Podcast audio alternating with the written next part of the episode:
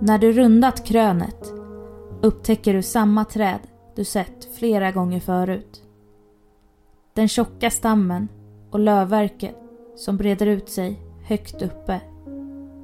Du har gått vilse i en stor skog.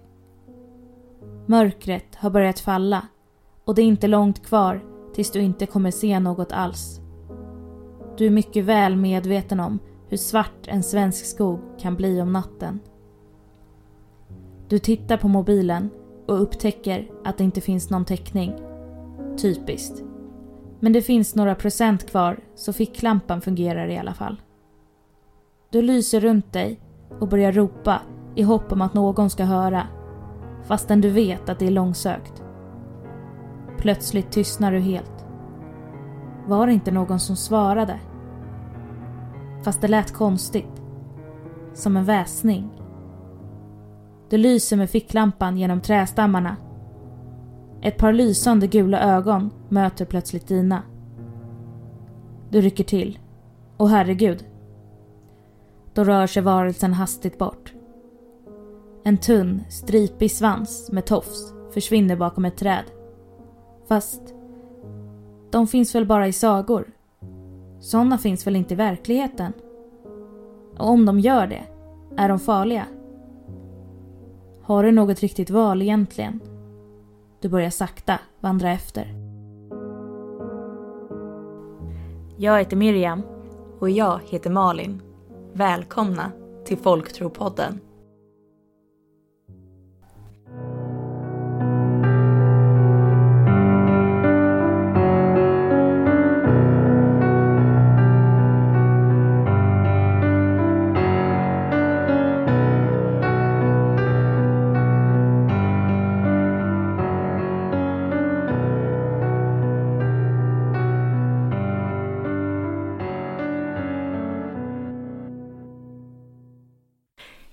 Välkomna tillbaka till säsong två av Folktropodden. Välkomna. Trots att vi har varit borta väldigt länge så har ju vi faktiskt växt väldigt mycket under den här tiden. Ja, vi har fått ganska mycket nya lyssnare som har lyssnat i kapp på första säsongen. Och vi har även fått väldigt många som har hört av sig och tipsat om olika varelser och bett om lite olika saker tänkte jag säga. Så det har varit jätteroligt. Ja, och eh, nu kommer vi då med en till säsong som kommer komma ut varje vecka precis som innan. Eh, på torsdagarna. Och precis som förut så kommer vi att blanda väsen och varelser från hela världen. Mm. Vi tänkte bara nämna lite kort eh, ifall det är några nya lyssnare hur vårt upplägg ser ut. Och det är ju så att vi blandar, vi blandar fakta med diskussioner där vi lägger in lite egna tankar och ibland värderingar med berättelser eller eh, egentligen är det historier som folk Ja, folk som säger sig ha mött den varelsen som vi pratar om eller de varelserna som vi pratar om. Precis, och varelsen i sig kan ju vara väldigt, väldigt gammal. Men eh, inlägget, till exempel från Reddit är det ganska ofta, de kan ju vara eh, ganska nya. Mm.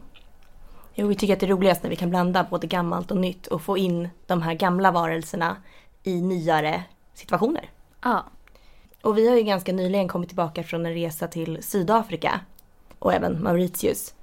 Och då har vi frågat runt lite där om hur deras folktro ser ut och vilka varelser som de tror på där och så. Och redan nästa avsnitt så kommer ni få träffa en av de varelserna. Så det ska bli jättespännande. ja. Och vi hade ju en eh, chaufför som... Chaufför, det lät som vi hade. Våran privatchaufför som skjutsade runt oss. Men han skjutsade faktiskt runt oss en del och eh, han var väldigt pratglad så då kände vi oss bekväma nog att fråga lite grann om folktro så det var kul. Extremt pratglad. Eh, men han hade inte hört ordet folklore.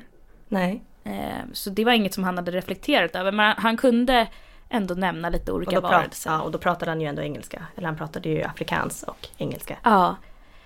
Och han frågade faktiskt oss då om lite folktrovarelser eh, i Skandinavien. Och då nämnde vi troll. Och då eh, frågade han om de fanns på riktigt. Så han hade inte hört om det här. Nej, det roliga var ju dessutom att det var ju, för vi berättade ju lite om skogsrået och om lite andra varelser. Ja. Och sen frågade han, så det var inte vi som nämnde trollen Just en gång. så utan han frågade bara att förresten, troll, finns de på riktigt eller är de påhittade? Så vi var Ja. så här, eh, vad, vad menar du? Så bara, ja, nej men alltså bor de i skogarna? Bara, ja, alltså det beror väl på vad man, vad man Ja. tror på. Jag tyckte det var så härligt. Det var jättehärligt. Och det märkte man ju också när de pratade om varelserna som de trodde på. Mm. Att för dem var det inte, det var inte påhittat. Nej, det var det inte. Sen vet jag inte om det var framförallt han då eller om det faktiskt är så lite mer. Men Nej. Han var en Ja. väldigt färgstark person. verkligen, och mer om det nästa vecka. Mm. Vi har ju en annan nyhet för den här säsongen som ni kanske redan har sett om ni följer oss på Instagram. Och det är ju att vi har fått en sponsor. Ja, så häftigt. Alltså, Så vi är ju så här barnsligt glada över det här. Ja, verkligen. Och det är Nextory. Så vi har funderat lite grann på hur vi vill eh, lägga upp det här. För att det ska bli så bra som möjligt. Mm. Och eh, vi har väl kommit fram till att vi vill presentera en eh, bok för er varje vecka. Som vi tycker passar med temat som vi har för eh, just det avsnittet. Så det- gott det går. Ja, precis. För det blir lättare i vissa avsnitt och betydligt svårare i andra. Men vi försöker i alla fall att hitta passande böcker. Eh, och den här veckan så tänkte jag tipsa om boken Vätten av Mikael Strömberg. Och den läste jag för ett par år sedan. Och jag kommer fortfarande ihåg att känslan av den boken sitter verkligen kvar. För han beskriver allting så bra. Och jag vill inte avslöja allt för mycket, men boken börjar med att det är en familj som åker hem längs E4 i Stockholm och får syn på någonting på vägen som sätter skräck i hela familjen. Och eh, ja, nej, jag, jag stannar där. Men eh, jag tycker absolut att ni ska in och läsa den och den passar verkligen dagens tema. Hur gör man då om man vill eh, ta del av det här? Då går ni in på Nextory kampanj och skriver in folktro som kampanjkod. Och då så får ni gratis 30 dagar och kan lyssna på alla böckerna på Nextory. Och även läsa. Och det finns hur mycket som helst. Det är alltså nextory.se kampanj. Exakt. Eller? Ja. Och det här samarbetet passar ju oss perfekt. För vi är ju riktiga bokmalar båda två. Ja, verkligen. Vi slukar en hel del böcker. Och jag lyssnar också på en hel del böcker på väg till jobbet och hem från jobbet. Och blir det inte poddar så blir det bok. Ja, de har ju eh, böcker också som man kan läsa digitalt. Precis.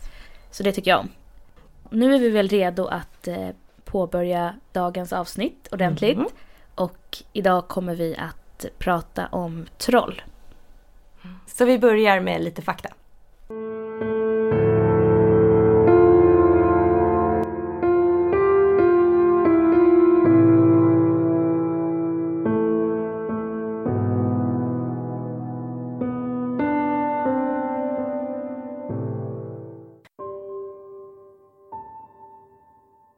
På ungfakta.se beskriver det trollen som följer. Skandinaviska naturväsen som oftast bor inuti berg. Det sägs enligt nordisk mytologi vara ättlingar till urtidens eld och isjättar. Det finns många uppgifter om hur trollen ser ut. Ofta är de apliknande, ludna, illaluktande varelser med stora fötter och koliknande svansar. Det beskrivs ha långa öron och näsor, ögon som glödande kol och långa fingrar. Andra sägner talar om trollen som människolika och till och med vackra. Detta kan kanske bero på att troll kan förvandla sig till vad som helst. I alla händelser klär sig trollen i pråliga smycken som vittnar om deras stora rikedomar. De är däremot alltid smutsiga och hatar vatten. Trollen är, kan man säga, människans skuggsida. Vi har alla våra moraliska svagheter, men skäms inte alls över detta. Troll är glupska, lögnaktiga och tjuvaktiga. De är avundsjuka på människorna och stjäl allt från öl till husdjur och människor från dem. De är särskilt ökända för två fula ovanor. Att bergta folk, det vill säga stänga in dem i sina berg. Och för att byta ut nyfödda människobarn mot sina egna ungar, så kallade bortbytingar. Det är oftast unga, vackra flickor som blir kidnappade av trollen. Det kan räddas om man läser böner utanför Trollberget. Eller om man ringer i kyrkklockorna. Vad det gäller bortbytingar verkar det som om de kidnappade barnen behandlas väl av trollen och inte alls mår dåligt av att växa upp bland oknytten. Trollungar som växer upp hos människor brukar tappa sin svans och de andra trollaktiga dragen efter ett tag. De brukar dock behålla trollens styrka. Vissa trollflickor är mycket vackra och det händer inte allt för sällan att de gifter sig med en vanlig kar. Trots att trollen i grunden är otrevliga är de inte omöjliga att göra affärer med. Man kan hyra in dem som arbetskraft, låna pengar av dem eller köpa deras magiska kunskaper. Trollen samlar stora rikedomar i sina berg. Man kan få en glimt av detta på julaftonsnatten då trollbergen lyfter sig på gyllene pelare och avslöjar vad som finns där inunder. Trollen firar nämligen en egen julhögtid men den har inget med Kristi födelse att göra. Troll avskyr allt som har med kyrkan att göra. Till exempel är en vanlig sax ett suveränt skyddsmedel. Helt enkelt bara för att den bildar ett korstecken då man använder den. Annat effektivt skydd är salt och stål. Trollens värsta fiende är själva naturen. Solen förvandlar dem till sten och åskan söker upp trollhuvuden med sina blixtar. Då trollen flyr undan åskan rullar de ihop sig till nystan och för fram med en ryslig fart.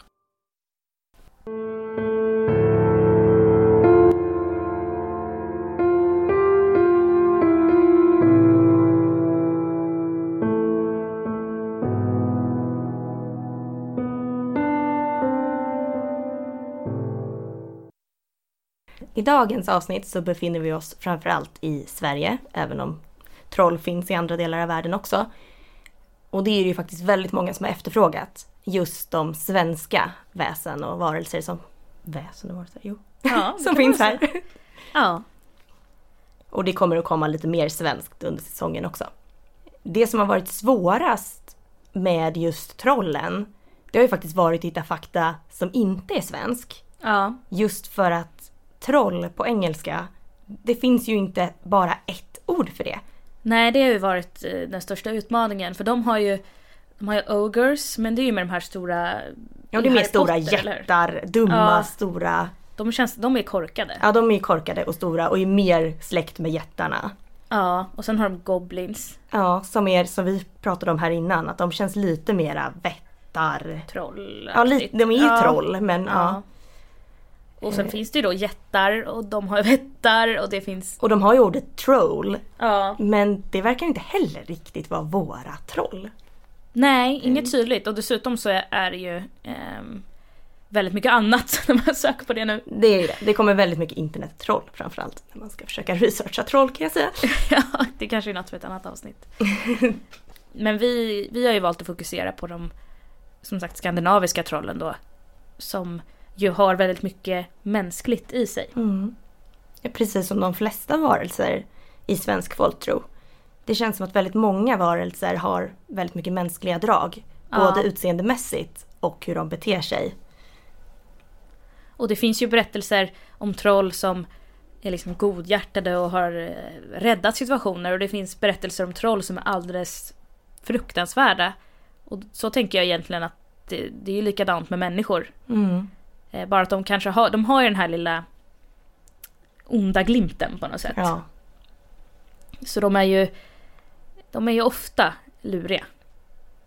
Eh, Men, men det finns ju alla sorter där också. ja, och jag, för ni er nya lyssnare som inte vet det, så brukar jag ju nästan alltid lyckas koppla det här till någonting som har hänt mig när jag var ung eller Ja. liten. Och så även i det här avsnittet. För det var nämligen så att min storebror, han har, jag tror att han var fem eller sex år första gången han sa att han såg ett troll. Och då var det nämligen så att vi har en liten skog bakom min mormor och morfars hus. Och då kom han hem en dag och så sa han bara att, nej men han berättade att han hade sett ett troll med gula hängslebyxor. Ja, just det. Och han var fullkomligt bergsäker på det här.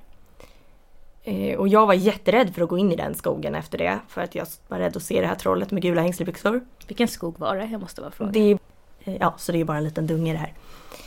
Eh, egentligen det är väl inte, inte så att man kan kalla det en skog ens en gång. Det är lite träd mellan en skola och deras hus. Men i alla fall, sen frågade jag honom om det här för ja, ett par år sedan när han kanske var 22. Och han var lika bergsäker då. Han säger fortfarande att han kan beskriva exakt hur det här trollet ser ut. Han minns de gula hängslebyxorna och han vet att det var ett troll. Om man tänker på din brorsa då, så som jag känner honom, han är ju inte den som är direkt den, han tror ju inte på sådana här saker. Nej, verkligen inte. Han är väldigt skeptisk. Han tycker, liksom, han tycker det är kul. Han lajvar och gör mycket sådana saker. Men han tror absolut inte på övernaturliga saker. Nej, det är inte känslan jag har heller. Är inte han väldigt sådär um, logisk? Jo, han är som min far. Och min pappa är ju forskare så ni vet hur han är lagd. Min mamma däremot hon är ju åt andra hållet, det har ni ju kanske förstått. ja men precis. Men han känns ju mer eh, åt din pappas håll skulle jag säga. Det skulle jag definitivt säga. I eh, Sverige så är ju, eller i stora delar av Sverige så är ju ordet troll det man använder om de här varelserna. Eh, Men vad vi kunde hitta så i Norrland, så i stora delar av Norrland så har ju vättar varit mycket mer populära eller vad man ska säga. Mm. Det har varit de eh, som man har pratat om. Medan i södra Sverige så har ju troll varit dominerande när det kommer till det är väl överhuvudtaget folktro, det har väl varit Ja. de absolut största. Eh, Och det man har trott på längst och mest. Precis, och där tycker jag det är så svårt också. För om jag skulle beskriva, alltså om någon bad mig att beskriva en vätte. Ja. Då skulle jag beskriva någonting väldigt litet. Och kanske inte någon som nödvändigtvis var ond heller. Utan jag tänker på de här små, nästan så här tomtar och vättar. Det, det kommer ju från trolltider känner jag nu när jag börjar prata. Att vättar för mig hjälper till i husen och är så här små vättar. Lilla husvätten, lite som hustomtar. Nej, medan när jag tänker på troll. Då tänker jag ju mer på de här klassiska trollen, alltså John Bauer-trollen. Ja, verkligen. Med stora näsor och trasiga kläder, mycket guld. Mm. Så för mig är de två orden helt olika. Men jag har ju förstått nu när vi suttit och läst runt att Ja. så är det inte alltid.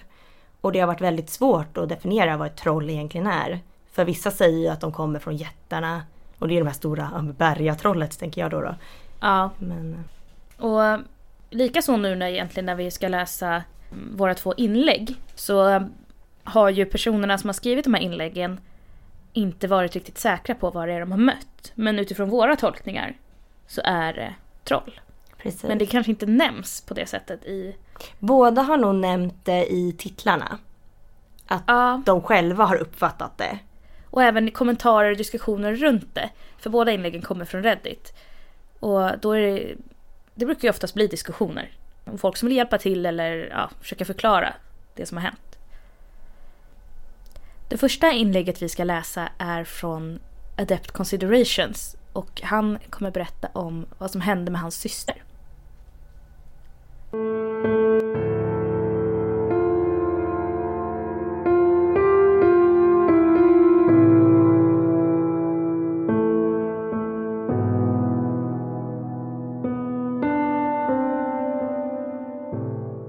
Min lilla syster gick vilse i skogen.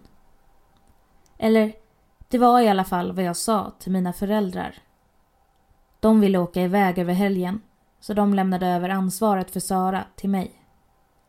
Jag är hennes primära barnvakt, vilket jag inte gillar. Men jag är 17 och har körkort. Och jag blev certifierad för hjärt och lungräddning när jag blev anställd som badvakt vid den lokala poolen. Jag är också gratis. Vilket var den största fördelen i deras ögon. Okej. Trots att mitt sociala liv fick hamna i bakgrunden på grund av min lilla syster mycket mer än vad jag hade velat så är hon en ganska bra unge. Hon är faktiskt riktigt rolig att hänga med.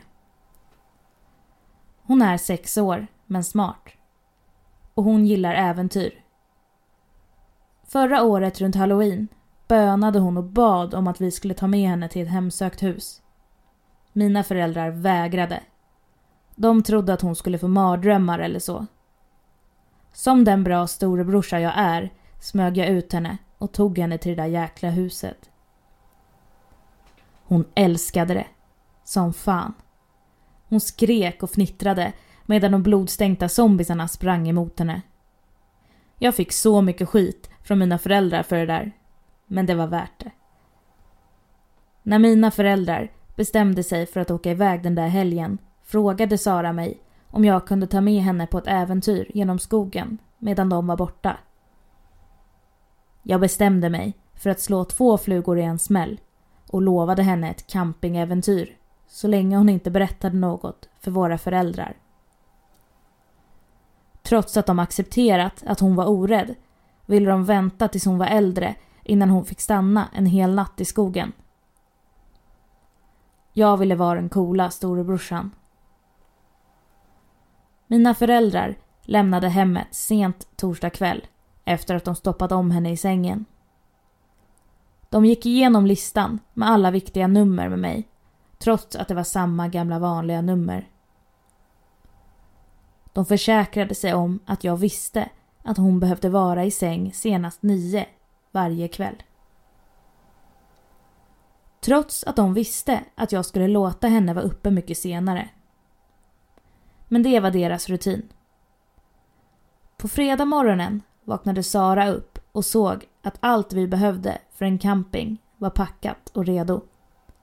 Hennes ögon lyste och jag kunde knappt få henne att sitta ner och äta frukost. Hon ville gå. Och hon ville gå precis nu. Så vi gick. Vårt hus ligger precis i utkanten av skogen. Så vi behövde inte gå så långt för att komma dit vi skulle. Vi gick ungefär en och en halv timme in och satte upp vår campingplats. Jag tänkte att eftersom vi bara gått raka vägen in så skulle det vara lätt att hitta ut igen. Vi spenderade hela morgonen med att utforska omgivningen. Jag lät henne ta bilder av fåglar och stigar med min telefon. Hon hade en liten dagbok som hon bar med sig överallt och hon stannade då och då för att skriva upp något i den. När det blev kväll satte vi oss runt brasan och berättade spökhistorier för varandra. Vi åt marshmallows tills det kändes som att vi skulle spy. Sen kröp vi ner i våra sovsäckar och somnade. Det var en typisk campingtripp. Ända till Saras skrik väckte mig. Jag grabbade tag i ficklampan som låg mellan våra sovsäckar och riktade ljuset mot hennes nu tomma sovsäck. Hennes ficklampa, jacka och dagbok saknades. Och jag hade ingen aning om från vilket håll ljudet hade kommit. Jag lyssnade för att se om jag kunde höra hennes skrik igen och kände mig om vartannat lättad och hysterisk när jag inte hörde det. Så jag började leta runt på campingplatsen för att se om jag kunde lista ut åt vilket håll hon hade gått. Som jag sa tidigare så är min syster smart. Hon hade samlat speciella stenar hela dagen och lagt dem i fickorna på sina byxor och även i sin jacka. Hon hade placerat ut dessa stenar med någon meters mellanrum och gjort ett spår. Jag vet inte om hon hade planerat att jag skulle följa det eller gjort det för att hon skulle kunna hitta tillbaka. Jag brydde mig inte. Jag gick så fort jag kunde och följde hennes lilla spår av stenar tills jag hittade henne. Det hade tagit över 45 minuter för mig att komma fram till henne. När jag hittade henne var jag förbannad. Hon stod i mitten av en skogsglänta och stirrade på ett gigantiskt träd. Den där saken var fan gigantisk. Mycket högre än något annat träd jag någonsin sett. Den hade ett massivt hål i mitten där det hade kunnat få plats en lastbil. Hon bara stod där, alldeles blickstilla och stirrade in i det. Jag började skrika på henne medan jag stegade fram. Jag sa till henne att hon var illa ute och att vi skulle åka hem så fort jag fått tillbaka henne till campingplatsen. Jag hade hunnit halvvägs när jag tvärstannade. Den där jävla saken började ta sig ur hålet. Först kom en arm Den var lång och senig. Den där sakens arm var större än en trädgren. Den var täckt av svart päls och det fanns kala fläckar. Som när en hund har skabb. Och tassarna. Tassarna är det enda ord jag har för det. De var större än en bil. De hade tjocka smutsiga klor. Jag tog ett litet steg bakåt när den satte ner tassen på marken. Där den hade stuckit ner klorna i jorden bildade stora hål när den skrapade i marken. Mina ögon vandrade upp mot axlarna och jag såg att den böjde sig lite så att den kunde sticka ut huvudet. Ansiktet var motbjudande. Men jag kunde inte titta bort.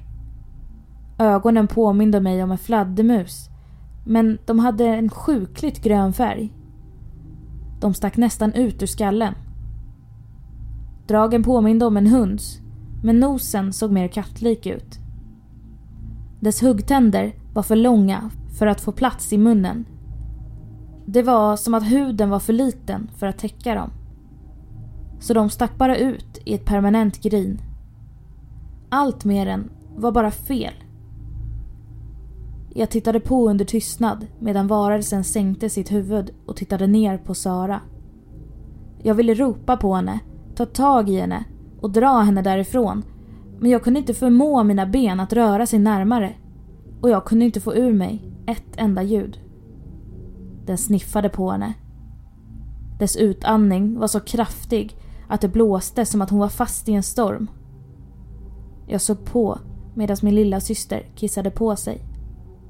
Jag har aldrig sett henne så fullkomligt skräckslagen. Då förstod jag att hon verkligen var rädd. Hennes lilla kropp började skaka och jag hörde snyftningar. Hon försökte springa.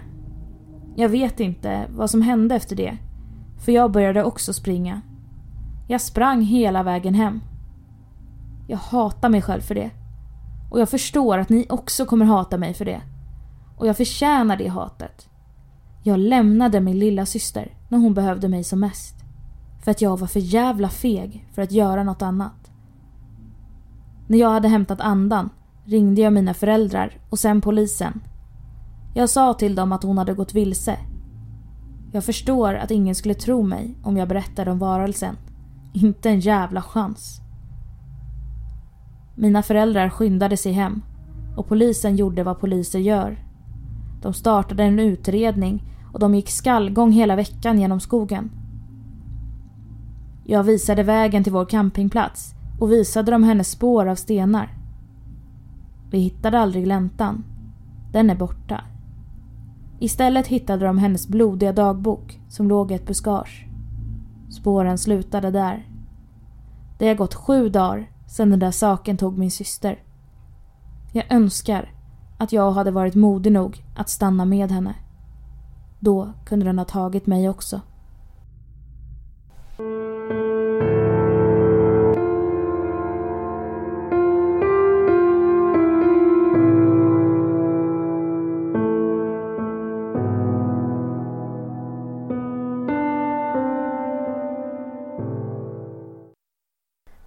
Jag tycker så synd om honom i den här. För att eh, i kommentarerna på Reddit så får han så himla mycket eh, skit av de som kommenterar. Det är bara liksom 100% hans fel och att han aldrig borde ha sprungit därifrån. Mm. Och visst, det ligger väl något i det såklart. Han hade ju ansvar över henne. Det var ju dumt redan från första början men... Det är ju en sak, det var ju dumt från första början. Ja. Men sen kan jag tycka att man är ändå bara människa. Och det är inte så att jag vet hur jag skulle ha reagerat i den där situationen. Och han är ju dessutom 17 år tror jag. Ja. Eller något sånt. Och han vänder sig ju bara om för en kort stund och börjar springa och, utgår liksom från att hon springer efter. Så att det är där som eh, jag tycker synd om honom ändå. Mm. Ja, och dessutom som sagt, vem kan svara på hur man skulle reagera om något sånt där hände? Nej. Och nu verkar det ju som att de höll på att leta efter hans eh, syster. Och eh, det har inte kommit någon uppdatering om de har hittat henne. Nej, utan i kommentarerna så diskuteras det ju fortfarande bara det här och även han har ju svarat och liksom sagt att jag förstår att ni hatar mig, jag förstår att alla hatar mig, precis ja. som han säger i berättelsen. Men att ja, ja, ni kommer som sagt, ni kan inte veta hur det kändes. Och... Det vi tänkte på när vi eh, läste den här första gången var ju just det här svenska med, och, eller ja, skandinaviska med att man kan bli bergtagen. Mm. Det vet jag att vi har nämnt någon gång tidigare i podden, förra säsongen. Vad bergtagen innebär. Och det är ju just när oftast troll då, men det kan även vara andra varelser. För in, för in dig i bergen, det är lätt. för, för bort dig till bergen. Och människorna som kommer tillbaka efter att ha blivit bergtagna är ju inte alls sig själva längre. Och har ofta blivit galna eller fullständigt från vettet. De är liksom inte överhuvudtaget sig själva längre. Och man tror ju att eh, anledningen eh, till att bergtagen, eller att man har pratat om det, är ju att människor som kanske blev deprimerade eller eh, var Mm. psykiskt sjuka på olika sätt, att det var en förklaring till det. Ett sätt att förklara det oförklarliga. Ja, annat som vi också pratade om, som vi också pratade om tidigare, det är ju bortbytingar. Eh, För man trodde ju att trollen kunde byta ut sina barn mot ett mänskligt barn. Så att du fick en trollunge Ja. istället. Och som vi nämner i faktan tidigare så växte ju oftast trolligheten tänkte jag säga. Trolldragen, liksom svansen och de andra dragen som gjorde att man såg att det var ett troll växte till stor del bort. Men att trollen fortfarande var lite udda. Och det här trodde man ju också kunde beskriva både psykiska sjukdomar som barn kunde ha och andra funktionsnedsättningar ja, kunde ha att göra med att det egentligen var bortbytingar. Man trodde ju också, det kommer jag ihåg, det var någon väldigt känd saga som jag läste när jag var liten och nu kommer jag inte ihåg vem som har skrivit den. Eh, som just handlar om en bortbyting. Och då var det så att trollet behandlade ditt barn precis som du behandlade hennes barn. ja Det var som en där, ja. Så så länge människorna var snälla mot trollungen så var trollet Ja. snällt. Men de ville ha tillbaka sitt barn. Och då började de plåga trollungen. För att de tänkte att då skulle ju trollet komma och hämta barnet. Eh, och till sist så gjorde hon det. Men då fick de ju reda på att trollet hade gjort exakt samma saker mot hennes barn.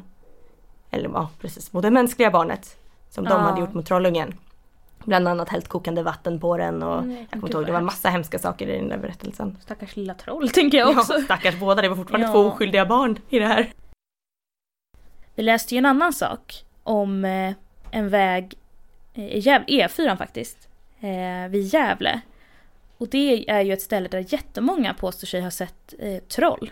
Mm. Och inte bara troll, det har pratats om troll, det har pratats om vättar, vittror. Eh, och det är ju väldigt, väldigt mycket olyckor som inte går att förklara på just den här sträckan av E4. Eh, och det kan vara allt från att bilen bara lägger av till att det krockar, folk har svängt av vägen för att de har trott sig se någonting. Ja, väldigt många som har sagt att konstiga saker har hänt just där. Så eh, ta det lite extra försiktigt om ni ska ut och åka i Gävletrakten. Och nu när det är så halt så ska man ju ta det försiktigt. Precis överallt faktiskt. Verkligen. Det är ju farligt att ens gå ute just nu. Jag tackar, tack, tackar någonting tänkte jag säga, varje dag för att jag inte ramlar. Herregud vad det är halt. Ja. Och nu ska vi läsa nästa inlägg från en person som kallar sig Jumping Bean 12. Och hans inlägg är lite annorlunda från det första. Hans möte är ju inte riktigt på samma sätt. Nej, han beskriver en ganska annorlunda varelse. Ja.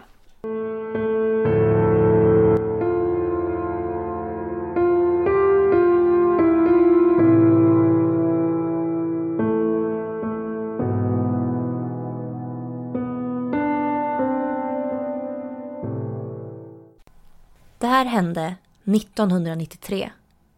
Det var vinter och jag jobbade mitt andra skift. Det var under en av de där riktigt kalla vinterdagarna då temperaturen sjunker långt under nollan och vinden får det att kännas som minus 30 grader ute. Jag lämnade jobbet lite senare än vanligt efter att ha städat upp och börjat åka hemåt i min Ford Tempo. Jag satte aldrig på mig mitt säkerhetsbälte. Det var inte lika noga med sånt på den tiden. Och jag tänkte inte så mycket på saken. Jag åkte den vanliga vägen hem. Det var relativt lugnt på vägarna.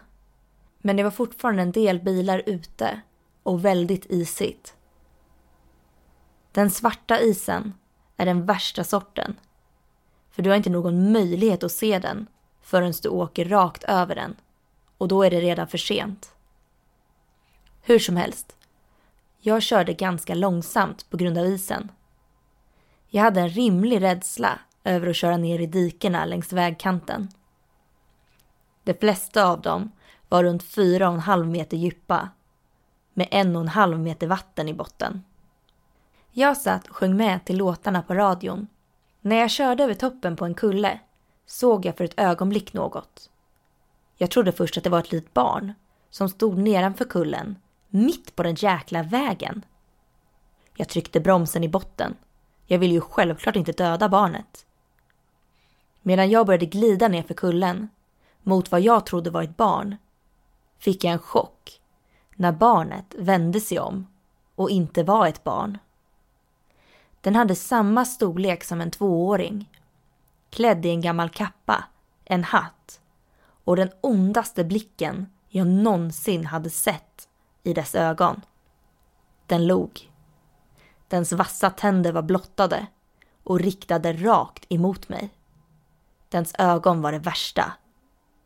Reflektionerna från mina lyktor fick dem att lysa klarröda i mörkret. I det ögonblicket kissade jag nästan på mig och jag styrde snabbt undan för att inte träffa den.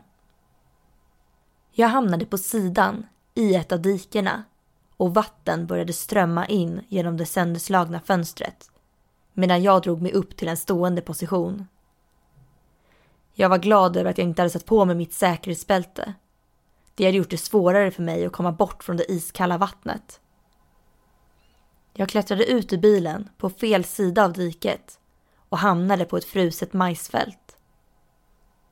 Jag visste att jag var tvungen att ta mig över till rätt sida snabbt om jag inte skulle frysa ihjäl.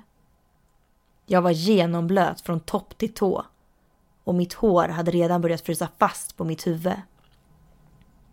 Jag började gå längs diket i samma riktning som jag hade kommit ifrån med bilen i hopp om att hitta en väg över. Jag insåg ganska snabbt att jag skulle behöva vada genom vattnet igen. Jag hittade en grundare del och till slut tog jag mig över till rätt sida. Med hjälp av en trädgren lyckades jag till sist klättra upp och kräla mig över kanten och upp på vägen igen. I mitt huvud hade jag redan hunnit bortförklara vad det var jag hade sett. Jag sa till mig själv att det måste ha varit någon konstig reflektion i isen Medan jag började gå mot det närmsta huset tittade jag åt vänster där min bil låg på sidan i diket. Det var då jag såg den trolllika varelsen igen. Den stod och tittade ner i bilen och sen vände den sig emot mig. Det var då jag hörde den skratta, sitt elaka, djupa, läskiga skratt. Det var som taget ur en skräckfilm. Jag sprang. Jag sprang mot huset som låg ungefär 50 meter fram och jag halkade på isen. Jag hörde min svanskota gav ifrån sig ett högt knak och jag förstod att jag hade brutit något. Jag gav ifrån mig ett skrik medan jag tog mig upp på fötter så snabbt jag kunde. Smärtan var nästan outhärdlig och jag kände hur tårar började rinna längs mina kinder. Det första huset jag kom till var en gammal nedgången laggård och jag förstod direkt att jag inte skulle få någon hjälp eller värme där. Jag kände redan en brännande känsla i mina fingrar och tår. Ja, min näsa brände också. Jag vände mig snabbt om för att se om trollet var efter mig och såg att det stod nära en övervuxen buske vid vägen. Jag försökte springa mot nästa hus, men jag kunde inte röra mig snabbare än vad en mycket gammal människa hade klarat av. Jag gick djupt framåtböjd med ena handen på ryggen och försökte ta mig fram så fort jag bara kunde. Jag fortsatte att halka på isen medan jag rörde mig längs vägen. Mitt hus låg fortfarande nästan tre kilometer bort. Och jag började undra om jag skulle behöva gå hela vägen dit medan det skrattande lilla trollet hela tiden höll sig på behörigt avstånd. Tillräckligt nära för att hålla mig livrädd. Nästa hus jag kom till var en gammal klasskompis mammas hus. Men jag kunde se direkt att ingen var hemma. Besvikelsen sköljde över mig. Men jag visste att jag var tvungen att röra mig framåt om jag inte ville frysa ihjäl. Jag visste dessutom i mitt hjärta att om jag stannade så skulle det där trollet inte tveka en sekund med att slita mig i stycken. Eller vilken annan plan den nu hade tänkt sig.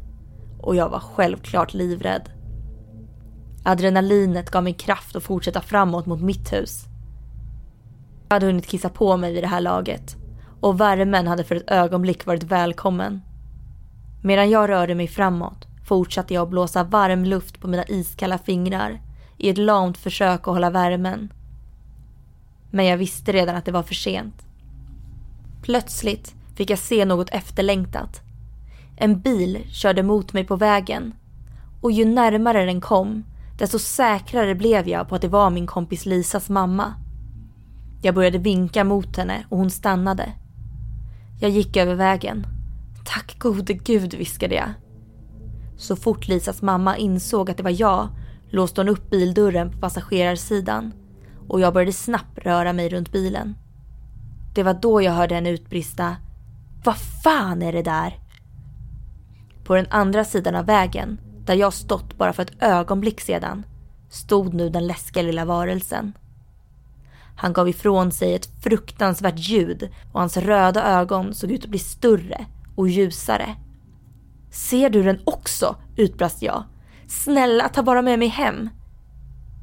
Medan jag slängde igen bildörren efter mig såg jag hur det vidriga lilla trollet började gå in mot skogen. Nästa dag ringde jag Lisas mamma och vi gav oss av mot platsen där jag hade kraschat med bilen. Den hade blivit bortboxerad under natten. Så allt vi kunde se var däckmärken. På den sidan där bilen hade legat var det också helt omöjligt att se om det fanns små fotspår då poliser och männen som boxerat bort bilen hade stampat runt överallt. Men på den andra sidan vägen kunde vi hitta pyttesmå fotspår som såg ut att vara gjorda av små spetsiga kängor. Han fanns på riktigt. Åh herregud, sa jag. Vi hoppar fram sju månader, till samma sommar. Lisa ringde mig och bad mig att komma över till hennes mammas hus då hennes pappa ville visa mig något.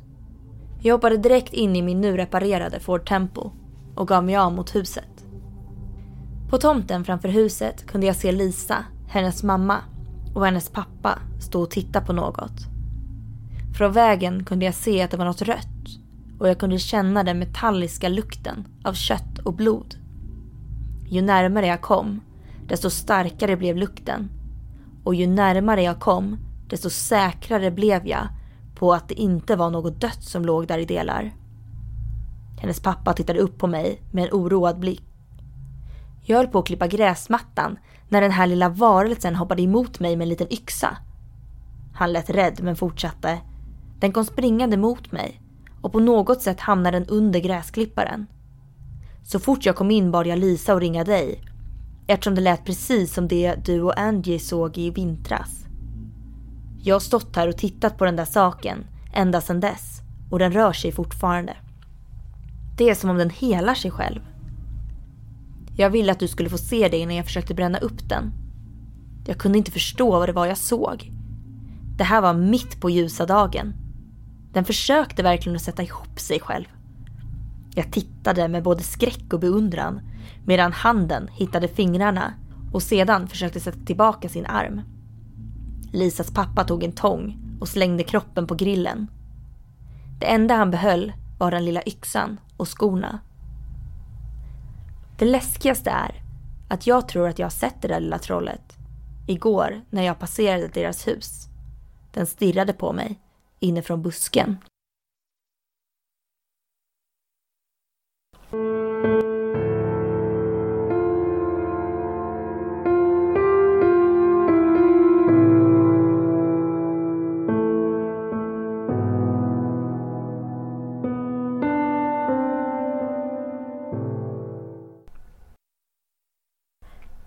Så eh, den här varelsen skiljer sig ju ganska mycket från eh, det här skogstrollet i, den förra, i det förra inlägget. Ja men den här är ju kanske lite mer som jag beskrev, ja men vättar. Ja, Förutom att vättar för mig då kanske inte är onda egentligen. Men den här är ju Väldigt, Väldigt ond. Ja. Men ja, lite mera den versionen. Att den ser ju lite mera mänsklig ut. Och är väldigt, väldigt liten och kort. ja. Och väldigt ond. Så det vi har, vi har lärt oss om troll när vi har eh, efterforskat det till det här avsnittet är egentligen att det är, finns så otroligt många varianter Mm. på dem. Ja men troll har ju blivit lite som ett samlingsnamn märker man. Mm. Att det liksom, och det är väl också lite det här att i Sverige så har vi ju de här Huldra-folket. Ja. Och Huldra-folket är ju allt möjligt. Det är ju skogsråd och troll ingår också bland Huldra-folken. Det är alla de här uh, underjordiska folken och så att alla de ingår i samma familj. ja, exakt. Och vi har ju faktiskt också pratat väldigt mycket om troll. Sen Som- vi var små. Ja, som små ja, precis. Vi kallade oss ju till och med trollvänner när vi små, kommer du ihåg det? Ja men gud. Ja, det vi kallade vi. oss för TT-vänner, trollvänner. Och fråga mig inte var det här kom ifrån egentligen. Nej. Men vi var ju ute i naturen och så sa, jag kommer inte ihåg, var det vi som var vädertroll?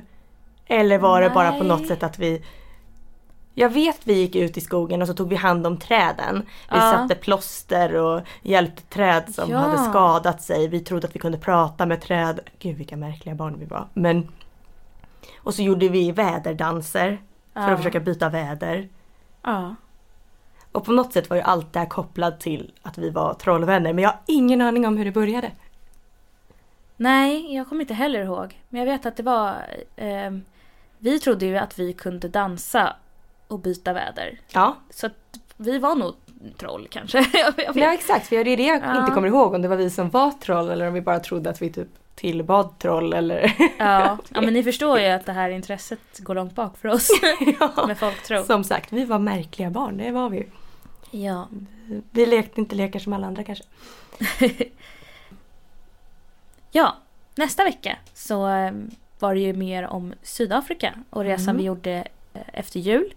Det är så kul att vara igång igen i alla fall. Ja, det är Jag har verkligen saknat det här. Och jag hoppas att ni också har gjort det. Och som vanligt så kan ni ju följa oss på Instagram, Folktropodden. Eller på Facebook, också Folktropodden. Vi har även en eftersnacksgrupp där. Ja, får vi se om den kommer igång lite nu då. Ja, det vore ju roligt. Och eh, som sagt nextory.se kampanj om man vill ha en gratis månad eller kanske stötta oss till och med. Mm, det vore verkligen jätte- jättesnällt. Ja. Så det finns många alternativ och vi har ju en Patreon också. Det har vi också. Så eh, vi finns typ överallt. Det är bara att leta upp oss. Vi finns på Spotify nu också. Ja, just Det är vi jättestolta vi över. Inte för att man inte... Ja, det är bara att ladda upp den egentligen. Men vi blev tillfrågade om Vi att blev upp den. tillfrågade. Mm, Så det är vi stolta över. väldigt stolt. Så där kan ni lyssna på oss om ni hellre vill det. Ni kan ju alltid lämna en recension på iTunes också, bara så länge ni är snälla. Ja. Okej, vi ses nästa vecka. Hej då! Hej då!